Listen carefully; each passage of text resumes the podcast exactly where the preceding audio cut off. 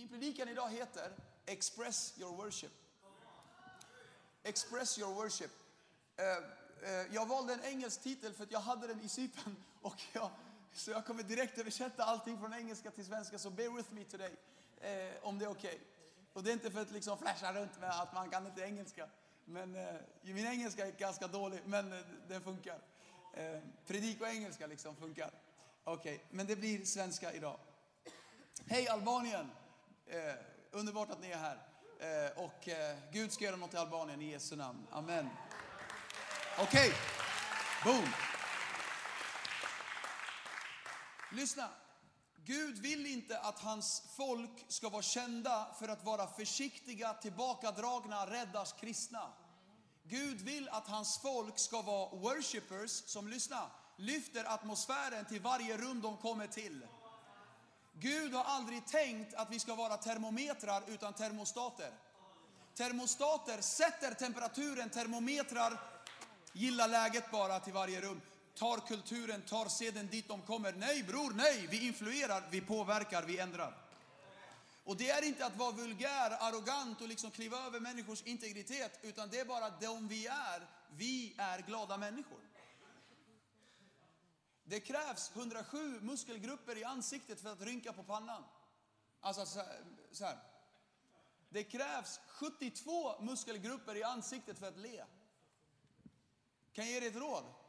Slappna av och var glad. Det krävs mer energi av att vara sur än att vara glad. Du är inte skapad för att vara en surpuppa. När man trycker på en kristen ska det komma ut Guds ord, inte citroner. Att sitta med armarna i kors ikväll är förbjudet. Att prata med varannat ord efter mig, det är okej. Okay. Att dra igång en applåd betyder att om en applåderar, applåderar alla. Jalla. Ska vi ha ett African meeting eller? Jag var i en, jag var i en kyrka, jag måste bara säga det här. Jag var i en kyrka. Jag sa grejer som var bra. Alltså han, pianisten, han kom så i anden typ. Han blev så glad. Han kröp. Jag ser att någon kryper. Vad gör han? Vad gör han? Alltså, han går bakom scenen så här. Han sätter sig bakom pianot. Helt plötsligt när jag säger bra grejer, han bara... Så jag bara, Whoopa! Ja, vad hände där? Och sen ser jag en annan krypa så här. Och det är trummisen som kryper till trummorna. Och medan jag sa bra grejer, de bara... Och de började spela. Jag bara, ärligt talat, jag är född för det här. Jag är afrikan. Okej. Okay. Eh, Saltaren 89, 16. Saligt är det folk som vet vad jubel är. Herre, i ditt ljus, i ditt ansiktes ljus vandrar de. De vandrar i ditt ansiktes ljus, kanske det står. Jag vet inte, får ni bibelorden? I Lukas kapitel 17, är det, är det lugnt med lite bibel? Jag älskar bibeln. Eh, så bear with me. Lukas kapitel 17, det beskrivs att Jesus gör tio stycken män helade. Han helar dem från spetälska. Eh, lyssna, tio blir friska, men bara en går tillbaka för att säga tack till Jesus. Vi kan läsa om honom i vers 15. Det står, när en av dem såg att han hade blivit frisk eller botad, vände han tillbaka. Ni får inte bibelorden eller? Nej. Um, när en av dem såg att han hade blivit botad, vände han tillbaka och prisade Gud med hög röst. Han föll ner framför Jesus fötter och tackade honom. Hör, den här mannen är så tacksam att han blir frisk att han uttrycker sin tacksamhet. Han plockar fram det från sitt hjärta och visar det till sin frälsare. Han faller ner med hög röst, ropar framför människor. Lyssna, var det passande att göra så på den tiden och den kulturen? Verkligen inte. Ingen betedde sig på det sättet. Till och med i den judiska kulturen, om, om man visade hud, det var en skam för mannen. De hade långa klänningar typ, så man inte såg någonting. Men ibland, om mannen var tvungen att springa, då rullade de upp sin klänning och kuta och då syntes ju vaderna och det var en skam. Naken hud var en skam. Liksom, så här. Och i den kulturen, att falla ner, bror, tro mig, allt flyger upp. Alltså, eh, han faller ner Kanske lyfter sina armar och då det fanns inte så här shave och grejer. Det, det, bror, det var boom. boom alltså, så här. Ja. Och han ropar till Jesus, tack Jesus. Han faller ner och lyfter händerna och ropar, inte med låg röst, med hög röst till Jesus. Jag tror inte det var passande. Jag tror inte det liksom, jag bara, vad överdriven du är. Ta det lugnt, ja. Okej, okay, du är tacksam, men ta det lugnt. Vet du, jag, jag upplever att eh, i vissa regioner i Sverige så sätter man nästan en ära i att hålla tillbaka sin glädje. Varför då? Jo, för att man vill vara en robust person. Man vill inte vara för eh, hypad på något sätt. Så här. Och man ser ner på stockholmare som är för, så här, wow till allting. Och det är sant, det är lite för mycket wow. De säger wow på fel ställen. En gång jag predikade om helvetet, en säger, jag sa, du kommer gå förlorad om du inte blir frälst. Han sa halleluja! Så jag bara, nej bror, fel ställe. Ropa inte halleluja om... om så här, ja. okay. Men lyssna. Han faller ner framför Jesus, han ger Jesus ära, han tackar Jesus. Men är det verkligen bibliskt att bete sig på det sättet i en kyrka? Skulle Bibeln backa upp att med hög röst ära Gud, falla ner framför hans ansikte? Får jag säga det med stora bokstäver? bokstäver? Absolut. Det här är normen för kristna. Det här är normen för kyrkan. Att uttrycka sin worship till Gud. Worship, vet du vad det är för mig? Worship, den bästa definitionen av worship, och jag har till och med kollat vad teologer säger. Den bästa definitionen av worship är två saker. Det är nummer ett, kärlek till Gud. Nummer två, uttryck av den kärleken. Och lyssna, tar du bort en av dem är det inte worship. Om du har bara kärlek till Gud, men inte uttryck för kärleken, då har du inte tillbett. Men har du uttryckt det och det är en uppbackning i hjärtats beundran, då är det worship. Tillbedjan är en uppskattning i mitt hjärta, men också en demonstration av den kärleken till Gud. Du kan inte säga att jag har tillbett om inte du har uttryckt det. Och tvärtom, om du bara uttrycker det och bara är munväder, men det finns inget innehåll, då är det inte heller worship. Worship är kärlek som uttrycks. Lys lyssna, det kom en kvinna till våran gudstjänst en gång för, eh, jag tror det var tre år sedan ungefär. Hon, är, hon, eh, hon var från en annan eh, kyrkokultur. Och eh, hon iakttar hur vi håller på i kyrkan. Hon, vi kallar, det kallas liturgi. Liturgi är så här hur man gör gudstjänst. Hon tittar på oss hur vi håller på och hon ser att jag lyfter händerna typ. Hon går fram till mig efter gudstjänsten och så säger hon, du jag måste fråga dig. Eh, de här uttrycken ni gör i er gudstjänst, är de typiskt protestantiska eller är de typiskt amerikanska? Jag sa syster, de är inte protestantiska eller eh, eh, amerikanska, de är bibliska. Det vi håller på med när vi lyfter händer, prisar Gud, nästan hoppar runt, går ner på knäna, det är bibliskt. Och att inte göra det, det är att leva i uppror. Men så fort du vet vad Bibeln säger, då är det bäst för oss alla att kliva in i Bibelns kultur och inte i den svenska kulturen, arabiska kulturen eller finska kulturen. Det här har inte, ingenting med etnicitet att göra. Är du afrikan, du är loud, du är eh, expressive, eller du är finne, du säger ingenting. Du, äh, nej, nej, nej, nej. Det har ingenting med etnicitet att göra, det har allt att göra med hur mycket vi väljer att kliva in i Bibelns kultur. I Bibeln föll de ner framför Jesus. Men lyssna, en av tio gick tillbaka till Jesus och tackade. Vet ni vad det säger oss? Det är en minoritet som gör det. För att nio personer gick inte tillbaka till Jesus och tackade Jesus. Bara 10 procent gjorde det. En gjorde det. Och by the way, han var inte ens jude som gjorde det. Han var inte ens bland folket, förstår du? Han var en outsider som gjorde det. En icke-pingstvän. If you may. I Gamla Testamentet finns det elva ord i hebreiskan som är ordet praise. Men sju stycken av dem är de oftast skrivna i grundtexten. Och jag skulle vilja visa er alla sju nu, snabbt, om det är okej. Okay. Nu kommer det gå fort. För att jag vill att du ska förstå att i varje grundtextord för ordet praise i Bibeln finns det fysiska inslag. Det är inte bara ja, eh, att liksom eh, en hjärtas liksom stilla beundran, utan det finns uttryck för hjärtats kärlek. Du ska se det nu. Sju stycken ord. Nummer ett, Toda. Toda betyder en tacksamhetskör. Här får du det. På engelska är det ofta översatt till a thanksgiving choir. Alltså det är en grupp människor som sjunger i, tillsammans i enhet. Det är med andra ord inte tyst, det är någonting som hörs och det är någonting som är synkat. Toda, todi säger vi på arameiska i mitt språk. Eh, nummer två, barak. Det betyder böj knä i tacksamhet. Tänk också på att alla sju ord har tack i sig. Tack. Så all praise handlar om tacksägelse. Att tacka Gud. Eh, så nummer, nummer två är barak, att knäböja. Det var det som somliga gjorde nu när vi tillbad Gud. Och det är inte så här liksom for show, utan det är bara att man blir så knäckt över hans närvaro att man kan inte göra annat än att bara falla ner. Ibland i Bibeln läser vi att David, han la sig raklång med ansiktet på golvet och låg och ropade till Gud. Det är nästa nivå. Levi Petrus, han som har grundat hela pingströrelsen, 500 kyrkor på 30 år. My God, vem är en sån apostel? han köpte alltid två par byxor till sina kostymer. För att han nötte ut dem så mycket när han bad. Han bad så mycket på knä. Det blev hål i första paret, då kunde han ha nästa par. Det är helt otroligt. Han var en barach-praiser. Han böjde knä. Nummer tre, tehilla.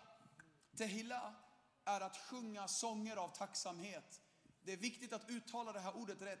Inte tequila, utan tehilla. Du kanske har sjungit efter en tequila. Men jag kan säga det var inte lovsång. I can tell you that. Tehila, att sjunga av tacksamhet till Gud. Och det gjorde vi precis idag. Nummer fyra är mycket intressant. Eh, stavelsen är sådär, men uttalet är så här. Mhalel, mhalel. Mhalel är ordet vi får halleluja ifrån. Det här ordet, lyssna vad det betyder.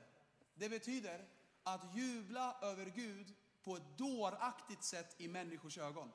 Det är att go loco i sin praise. När du läser halleluja i Saltaren, då är det ordet hallel. Och då fanns det ett sätt för Israel att inte bara säga halleluja, de gjorde halleluja. Varje gång det stod halleluja, då gjorde de någonting. Det var inte, Sela betyder paus. Sela, då var det så här, stanna låten, nu stannar vi och nu fortsätter vi. Och Sela, det står ibland i Saltaren. halleluja, det betyder jubla. Då sa, han till, då sa man till kyrkan, hey let's praise God! Och alla bara, det är sant. Exakt som jag gjorde nu är så de gjorde. Det är så vi gör fortfarande bland Israels folk och vårt folk, arameiska folket. Fortfarande idag, Mellanöstern folk, när de jublar, de gör så här. Vill ni testa? Kör! Det ni gjorde precis, det var att ni inte sa halleluja, ni gjorde halleluja. Och det är att jubla på ett dåraktigt sätt inför människors ögon. För lyssna, vänskap med världen är fiendskap med Gud. Vi bryr oss inte vad världen tänker. I'm playing for an audience of one. Jag spelar för en i publiken och det är min Gud. Jag bryr mig inte vad andra tycker. Jag är en halal-kristen. Jag är bullrig. Okej, okay. alla har olika personligheter och alla är liksom, vissa är tillbakadragna. Men låt mig säga så här, på något sätt behöver du visa det. Varför? För att du är skapad för tillbedjan. Nummer fem är yada. Det betyder att, att eh, lyfta händerna i tacksamhet. Det är bibliskt att lyfta händerna till Gud.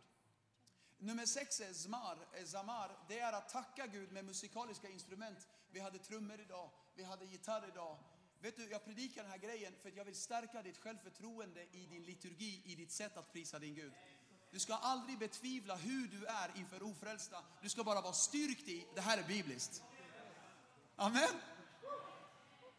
Låt oss aldrig krypa tillbaka från grottan vi kom ifrån, utan låt oss vara the praisers God har ämnat oss att vara. Amen.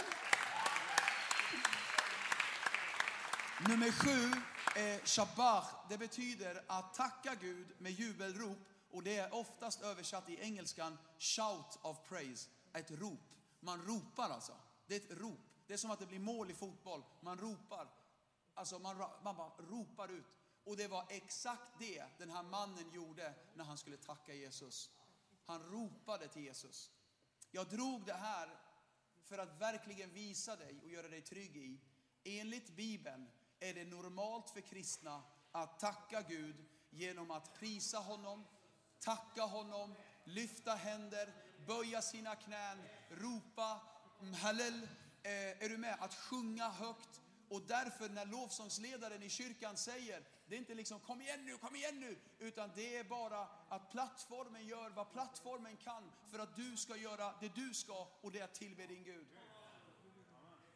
När, när lovsångsledaren säger hej, låt oss lyfta våra händer, well låt oss lyfta våra händer. För att när du lyfter dina händer så är det ett tecken för dig som att säga Gud, pappa lyft mig. Det är som att ett barn lyfter sina händer till sin pappa, lyft mig, jag klarar inte av det här. Det är ett sätt där du överlämnar dig. Det är ett underbart, liksom, det är som att polisen säger upp med händerna. Det är som att jag, över, jag överlämnar mig. Gör det till Gud. Jag överlämnar mig. Jag ska visa dig en vers för att visa dig bara hur mycket de här grundtextorden finns i Bibeln. Eh, Saltaren 100, vers 4. I, I en vers finns fyra grundtextord. I en vers. Gå in i hans portar med tacksägelse. Ordet tacksägelse är toda. In i hans gårdar med lov, det är ordet tehila. Tacka honom, det är ordet yada. Lova hans namn, det är ordet barak. Jag läser igen. Gå in i hans portar med toda. In i hans gårdar med tehila. Yada honom och lova, barak, hans namn. Jag läser det nu med alla de här orden inbakade. Det här är King Tiglets version. Det finns inte på nätet, bara här ikväll. Här kommer det. Psalm 100, eh, vers 4. Här är min version. KTV står det i King Tiglets. Larvigt. Gå in i hans portar med, genom att tacka Gud i kör och in i hans gårdar genom att sjunga lovsånger. Ära honom genom att lyfta dina händer och prisa honom med att böja dina knän inför hans namn. Allt det här handlar om att visa din kärlek. Visa din kärlek. Visa din kärlek. Håll inte din kärlek inne, visa den. Jag vet att vi är olika som jag sa. Jag vet att vi, liksom, vi, vi är olika. Alla, vissa är passiva, vissa så här. Ah, men lyssna, vi tillber inte Gud för att vi är värdiga. Vi tillber Gud för att han är värdig. Du ska aldrig eh, eh, sätta nivån på din praise utifrån hur din dagsform är. Utan du ska, du ska lägga nivån av din praise utifrån vad Kristus redan har gjort för dig.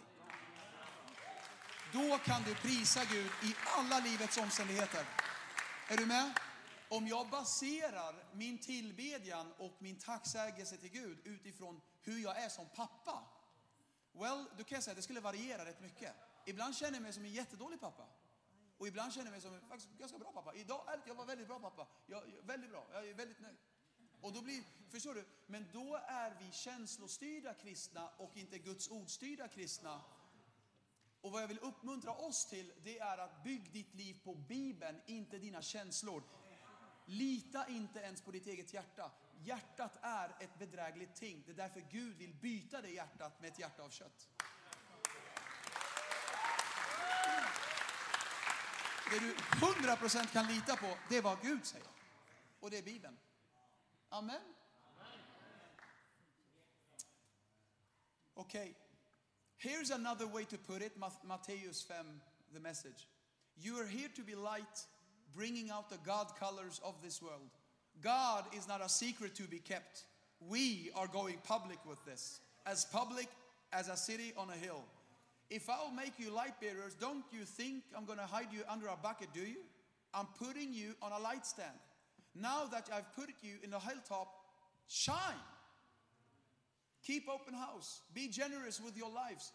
By, op- listen, by opening up to others, you'll prompt people to open up with God, this generous Father in heaven. Amen. När du är öppen, då kommer du mana andra att själva bli öppna och expressive.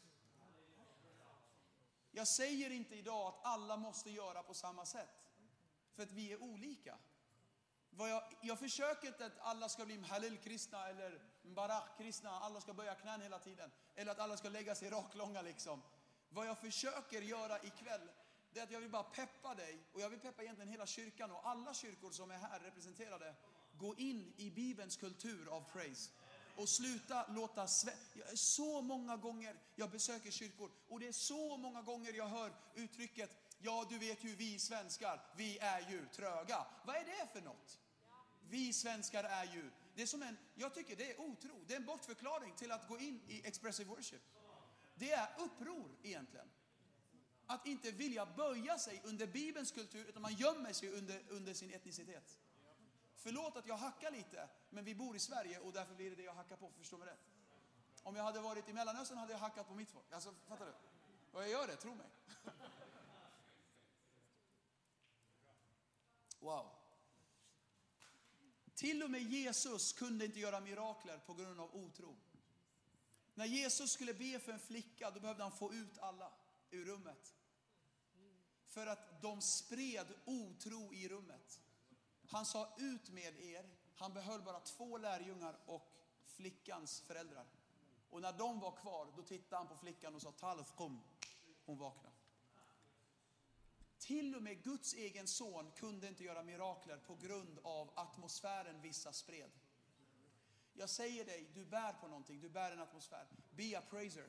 När du kommer in i rummet, då är det lättare att tro på Gud.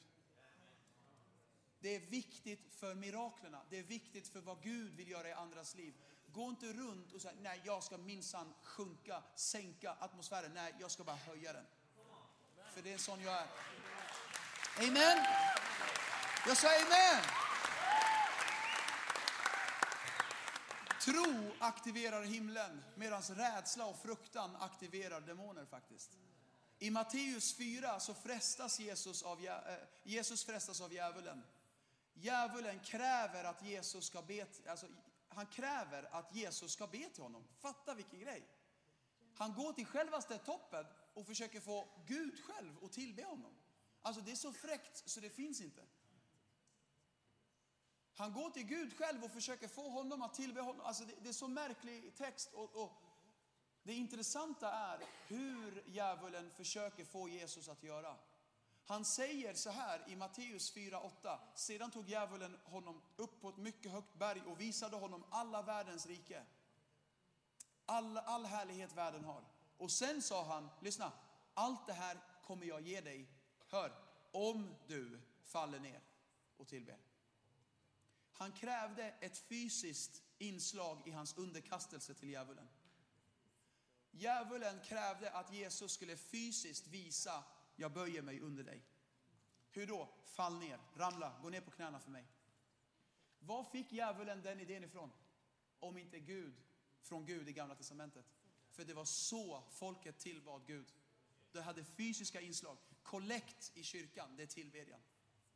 Det är inte liksom en paus i worship. Vi fortsätter vår lovsång genom att ge en gåva till hans hus.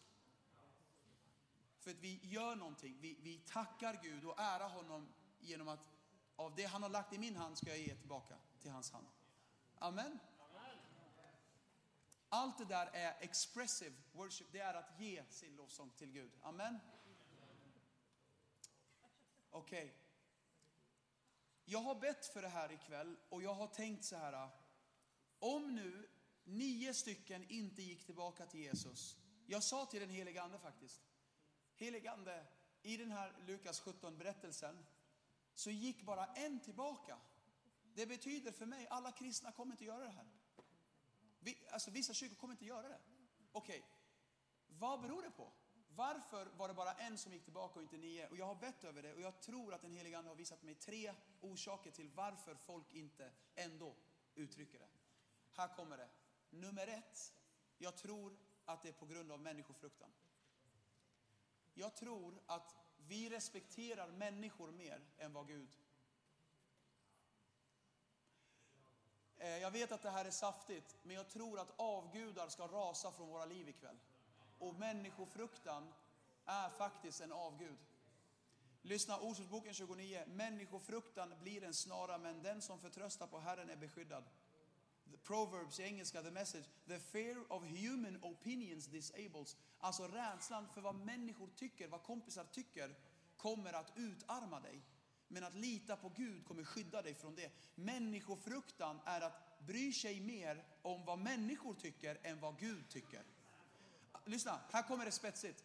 Att respektera mer vad människor tycker än vad Gud, vad jag respekterar Gud. Och när vi pratar om fruktan, då pratar vi om respekt. När folket i öknen fruktade att dö, de fruktade att de skulle hungra ihjäl, vet ni vad de gjorde? De började tillbe en guldkalv. Varför inte en guldfjäril? För fjärilar har inget kött. De gjorde en kalv för de var rädda. De fruktade hunger. De började tillbe hunger. En kalv. Oh, de började tillbe sin mage. Det du är mest rädd för, det du mest respekterar, det du mest fruktar, det är det du kommer tillbe. Uff. Jag skulle säga att många av oss behöver göra upp med människofruktan. För vi har satt människofruktan högre i Guds tillbedjan än Gud själv. Vem respekterar du mest? Vad kompisar tycker eller vad Gud tycker? Vem hedrar du mest? Snälla förstå, om du respekterar vad folk tycker mer än vad Gud tycker, lyssna, då tillber du faktiskt människor och inte Gud. Du sätter människor i högre rang än Gud. Men jag älskar hur apostlarna var i Bibeln. I Apostlagärningarna 4, man förbjöd dem att prata i Jesus namn. Man förbjöd dem att predika och be för sjuka. Man förbjöd dem att liksom uppvigla städer med sin nya lära. Liksom. Men de kallade in Petrus och Johannes och de sa, hej, vi förbjuder er att göra kaos i våran kultur. Och de sa, bedöm själva om det är rätt inför Gud att lyda er och inte Gud. Och så säger de, vi för vår del, walla, vi kan inte vara tysta med vad vi har sett och hört. Vi kommer fortsätta predika. Amen. Vad sa jag om applåden? Om en applåderar, alla applåderar bror.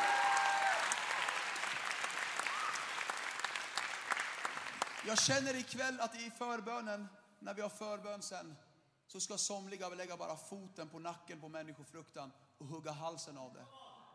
Du ska inte längre bry dig vad dina tjejkompisar tycker. Vet du, det, det är så, vi behöver bli fria från människofruktan. Och när du blir fri från människors åsikter, vad det, du kommer bli så fri. Du vet, du kan gå in, du vet, du, om du gillar, jag gillar de här kläderna. Jag skiter väl i vad andra tycker. Är du med? Och då blir det så här, oj, oj, oj, vad kommer alla tycka om jag har samma tröja två dagar? Oj, det är det värsta som kan hända på jorden, ja. Ingen relaterar. Nej, det är självterapi här. Nummer två, jag tror att en orsak är, som den helige Ande har visat mig, varför vi ändå håller tillbaka vår tacksamhet till Gud och varför vi är så rädda för att uttrycka det. Jag tror att det är nummer, varför är vi så rädda att sjunga ut? Jag, jag, jag, jag, alltså, alltså jag, jag har inte, oj, usch vad jag sjöng falskt alltså. Men jag är så glad att det är hög volym i kyrkorna ibland. Ingen hör ändå. Det var, ah, au! jag kommer ihåg, jag var, det var jag och sen var det en annan nyfrälst broder och så vi hade i mitten en kille, hans bror är tenor. Hans bror är tenorbror. Så här. Och han sjunger, det är så vackert du vet, han kan citera hela bibeln utan till. Och när han sjunger och så är det jag här och han här. Och du vet när vi sjöng, ah, vi gjorde kaos i hans huvud. Så här, han hörde, han bara, wow, jag kan inte sluta sjunga. Så här. Han bara sjöng jättevackert till Gud. Så här. Och vi gjorde, vi gjorde kaos. Och, och, och så säger jag, kan sjunger jag till dig? Jag sjunger till Gud. Okej. Så höj volymen. Crying out loud. Nej, nej, sorry. Nummer två, jag tror att den helige Ande har visat mig att en annan orsak till att vi håller tillbaka vår worship, det är nummer två, kulturkrock. En annan orsak till att vi håller tillbaka våran praise och sitter med armarna i kors och är helt knäpptysta i kyrkan, det är för att vi brukar inte göra så i vår kyrka. I vår kyrka är det bara så här, men vet du vad? Vem ska ändra normen? Vart är alla influencers? Vart är alla termostater?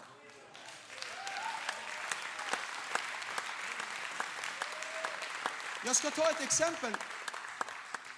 Jag har haft en söndag då jag inte har predikat.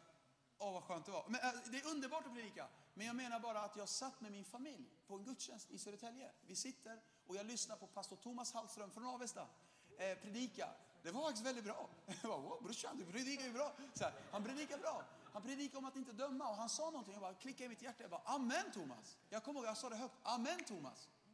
Och det var som att hela, hela bänken bakom mig, framför mig, bara, alla bara, titta på mig som att jag var världens ufo. Och så liksom, var det två rader bak, så var det några som fnittrade.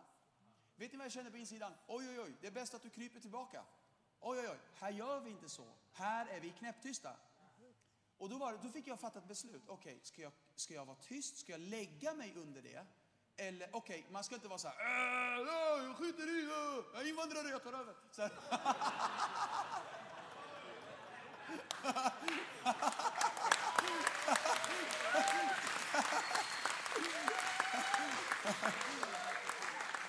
Ja, men ni fattar. Nej, men jag, jag bara kände, nej, jag sa i mitt hjärta, jag började tala tunga tyst inom mig och jag sa, jag lägger mig un, inte under försagdhet i Jesu Kristi land. Jag lägger mig inte under djävulen. Och vad jag menar med det är inte, alltså, det där fnittet var, fnitt, för mig kunde det bli, oj, oj, oj, det är bäst att inte du gör så här. Okej, kulturkrock kan vara hur det är i kyrkan. Kulturkrock kan också ha med vilken etnicitet du har. I Finland, oh, alltså du vet, jag predikade en gång, ah, jag trodde alla hatade mig. Alltså på riktigt, ah, jag, inte ett ljud. Och sen efter predikan så här, så säger en man, det var det bästa jag någonsin har hört. Jag bara, va? Någon gång så här, jag vill ha en spegel här framme för att ni ska se hur ni ser ut alltså. Du, you better have some self-confidence. Alltså om man ska, så här. Och det säger jag inte bara i Finland eller i ah, över många ställen. Många, många ställen. De som är arga på dig. Är du med? Och jag sa till henne så här, ah, varför har du slutat predika? För hon bara, jag blir så sjukt missmodig när jag ser på människor. Jag bara, är det sant? Hon har en superpredikogåva alltså. En 19 år, blev helt knäckt första gången hon predikade för det var noll feedback. Förstår du? Och jag säger inte att ni behöver ge det till mig, jag är trygg. Men jag säger bara att jag tror att predikanter blir bättre predikanter om rummet Ge dem lite cred. Du vet, i vissa kyrkor, du blir lurad bror, du blir lurad. De är så responsiva, de, de gör ut på allting, de skrattar till och med åt de dåliga skämten. Första raden, du ska inte lita på dem, de skrattar åt allt, de vill bara veva igång hela systemet. Du vet. Ja, du vet. Så här, och det är så här, alla är bara på, och du vet, och så går man ner och man tror att man är världens preacher. Det är rummet, det är, det är inte du. Det. Ja, okej. Okej. Ja, ja. Kulturkropp kan innebära, lyssna, etnicitet, det kan innebära kyrkokultur, men jag skulle vilja också säga familjekultur. Hur har du vuxit upp? Kulturkrock kan innebära att många har vuxit upp i familjer där ni aldrig kramas, aldrig pussas, aldrig säger fina ord till varandra. Och jag vill inte vara okänslig när jag pratar om det här för jag inser att det här är jättevanligt. Jag har vuxit upp med föräldrar som pussar på mig, alltså de äter mig till lunch, frukost och middag. Alltså min mamma, det, alltså, oj oj oj, hon har gjort mig så kramig. Alltså jag går och kramar alla i foajén. Det är för att min mamma har gjort mig sådan. Och min pappa är, alltså han är så varm och jag är så tacksam för mina föräldrar. Jag känner nästan att min gudsbild, det har hjälpt min gudsbild av att de är så kärleksfulla. Eh, och Bibeln säger till och med att hälsa varann eh, på varann med en helig kyss. Ja, okej, så jag tänkte, alla killar bara Wee! boom, vad bra att jag kom. Nej men ni fattar va?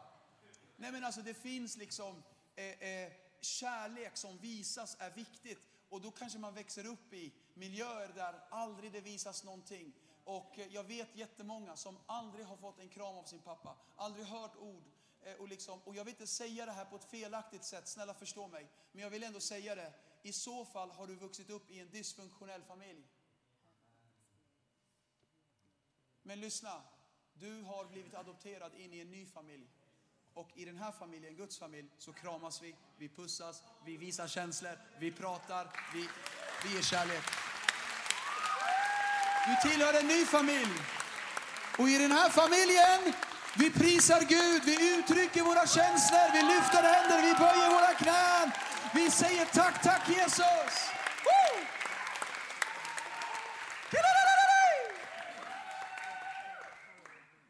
Jag sa till en kompis en gång, jag ser dig aldrig engagerad i lovsång. Du lyfter aldrig händerna, du sitter med armarna i kors och ser arg ut. Varför? Han sa, bror. Ni hör nationaliteten, bror. Jag tycker inte om att sjunga, det är tjejigt.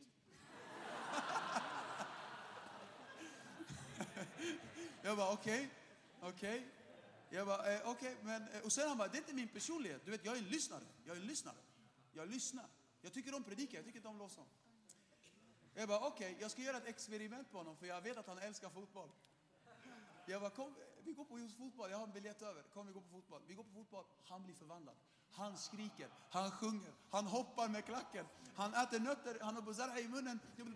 Så här, Eh, alltså han var helt vild, han var helt crazy, han skrek. Jag tror till och med han, han ville springa ut på planen och skälla på domaren. Och, alltså det var så här helt sick alltså. Och jag, så, här, bara, jag bara iakttog och efter matchen, jag bara, vi skulle åka hem, vi tog en eh, kebab of course. Eh, och, så, och så sa jag till honom, eh, eh, eh, bror, vad hände? Ändrades din personlighet helt plötsligt? Han bara, vadå, vad menar du? Jag bara, vi pratar ju i kyrkan. Du sa att du är en person som inte uttrycker dig. Du är en person som gillar att lyssna och inte sjunga. Vad hände i fotbollen? Och sen sa jag, på riktigt alltså. Jag tittade honom i ögonen och sa, på riktigt bror. Hur kan du vara så glad över att en tygboll hamnar i en tygkasse? Vänta, vänta. Och inte vara glad över att din Gud har dött för dig på korset och öppnat himlen för dig och förlåtit alla dina synder och tagit alla dina... Hur? Hur? Hur kan du vara så glad över sport och inte din frälsning, att Gud har öppnat himlen för dig? Oj då. Det, ah, ah, alltså, alltså, jag, har faktiskt, jag har faktiskt inte tänkt på det där. Men så är det väl. Nummer tre och det sista. Och jag skulle vilja att vår underbara pianist skulle kunna komma upp och ehm, det tredje jag tror håller tillbaka våran praise och jag, jag tror att det här är den största punkten faktiskt. Snälla lyssna på det här för det här kommer vara väldigt helande i ditt hjärta. Jag tror att många håller tillbaka sin Toda, Halal, Barak, sin praise. För att, lyssna, det är jättemånga som inte har slutat leta efter acceptans hos Gud. Det är så många som är tränade att tänka, om jag är duktig, då kommer Gud acceptera mig. Det är fel. Snälla förstå, du kommer aldrig göra det tillräckligt bra. Om du anstränger dig och vara den snällaste personen på jorden, du kommer ändå inte lyckas. För Bibeln säger, till och med vår rättfärdighet är smutsiga kläder inför Gud. Vår rättfärdighet är smutsiga kläder. Efesierbrevets kapitel 1, vers 3 finns en text. Och jag skulle vilja att du tittar på den med mig. För att jag vill att du ska se en sak. Det är så mycket i texten som handlar om vad Gud redan har gjort, alltså förut. Inte, inte kommer, inte kommer göra, utan han har redan gjort det. Hör den här texten, för den kommer hela ditt hjärta. Efesierbrevet 1.3. Lyssna hur många grejer det är Gud redan har gjort, alltså förut, i, pre, alltså då, i dåtid. Inte kommer göra, inte ska göra, inte liksom om du är duktig, utan redan har gjort i och med vad Jesus har gjort för oss. Lyssna. Välsignad är vår Herre Jesu Kristi Gud och Fader, som i Kristus har, inte ska, har välsignat oss med all den himmelska världens andliga välsignelse. Liksom han innan världens grund blev lagd har utvalt oss, inte ska utvälja oss om vi är tillräckligt bra, om vi går till kyrkan tillräckligt ofta, om vi slutar synda någon gång. Nej, nej, nej. Ha, han har redan valt dig. För att du ska vara helig och fläckfri inför honom. Det är hans nåd som gör oss fläckfria. I sin kärlek, säg det med mig, har. I sin kärlek har han inte ska han, har han. Det är dåtid, han har redan gjort det. Han gjorde det innan du ens försökte älska honom. Har han i Jesus Kristus förutbestämt oss för att vi ska ta ut som hans barn enligt hans vilja och beslut för att den härliga nåd som han, säg det med mig, har skänkt oss i den älskade ska prisas. Enligt texten är jag redan förlåten. Enligt texten är jag redan välsignad. Enligt texten är jag redan adopterad. Enligt texten har han redan accepterat mig. Inte om jag är bra kristen, inte en vacker dag, inte om jag gör saker rätt i livet, inte om jag väljer rätt och lyckas med min kallelse och dröm. Han har redan bestämt sig att älska dig. Inte på grund av vad vi gör, utan på grund av vad Kristus har gjort. vers 2 i Efesierbrevet, eller vers 8 i Efesierbrevet 2. Ty av nåd är ni frälsta genom tro, inte på grund av dig själv. Guds gåva är det. Guds gåva är det, inte på grund av dina gärningar. För att ingen ska berömma sig, ingen i himlen kommer säga yes, jag behöll tron, jag kom hit. Nej, ingen kommer skryta över sin tro. För han gav den från början och han fullbordar den. Allt emellan är bara nåd. Vi lyckas inte hålla kvar tro i egen kraft.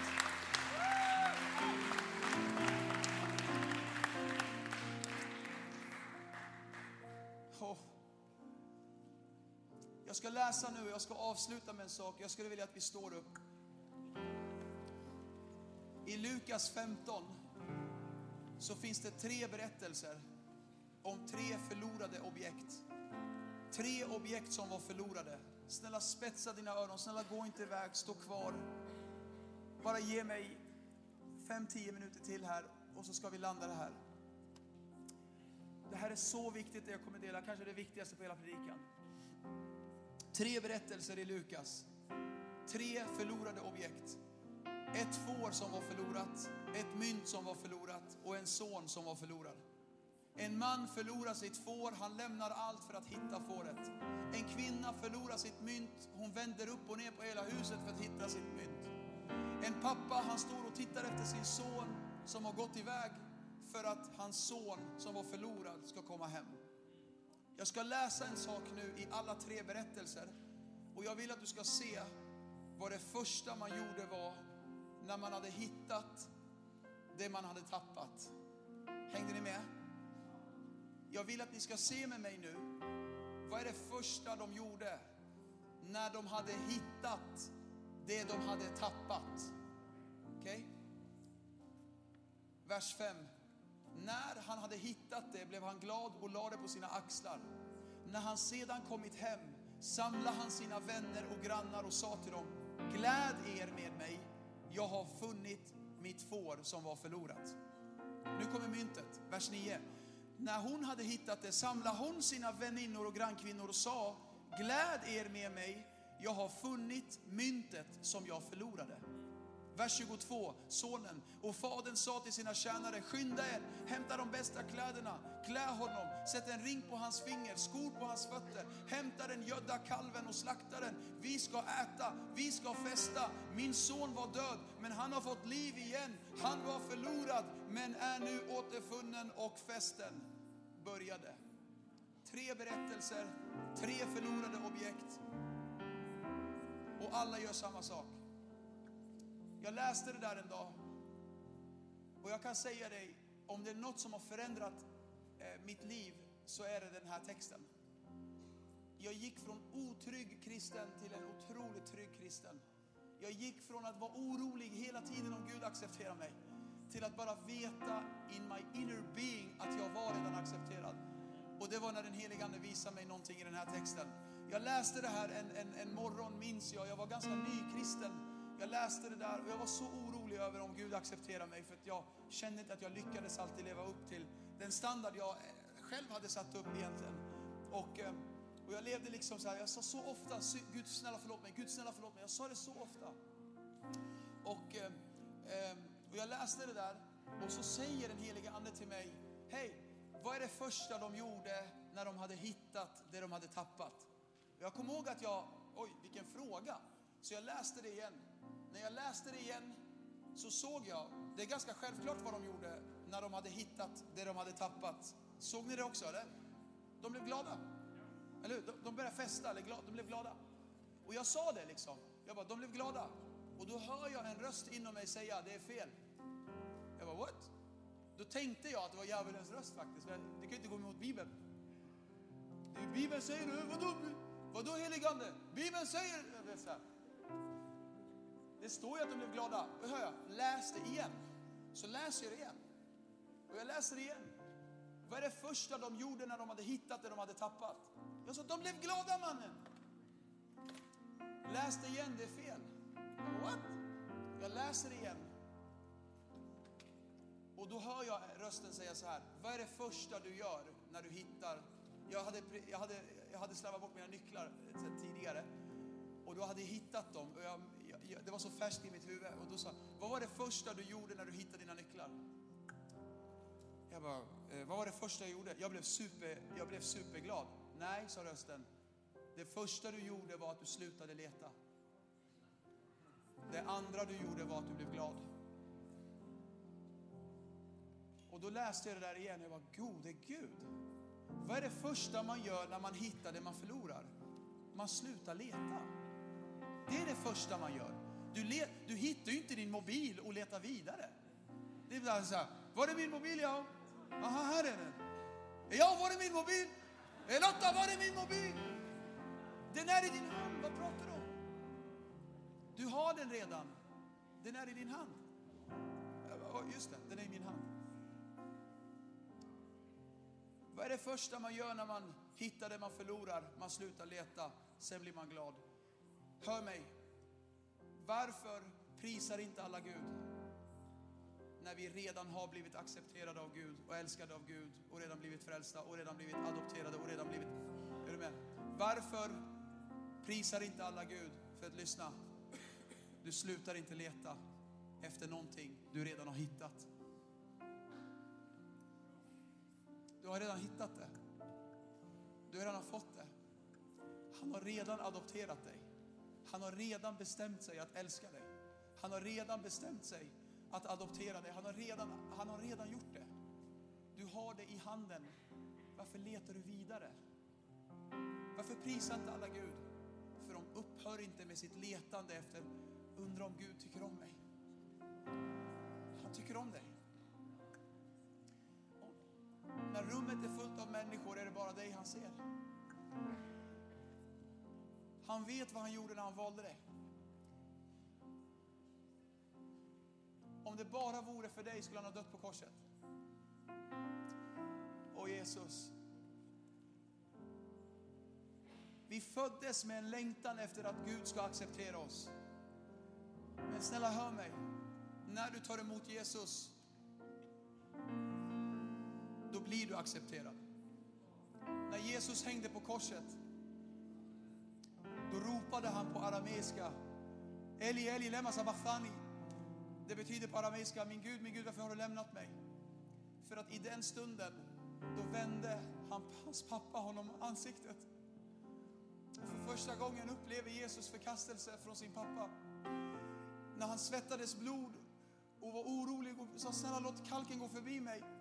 Så var det inte för att han skulle få stryk, för att han skulle lida och skämma ut sig, vara naken framför folk. Det var att hans pappa skulle vända honom ryggen. För första gången skulle hans pappa vända honom ryggen. För första gången skulle hans pappa förkasta honom. För att lyssna, en helig Gud kan inte ha med smuts att göra, en helig Gud kan inte ha med synd att göra.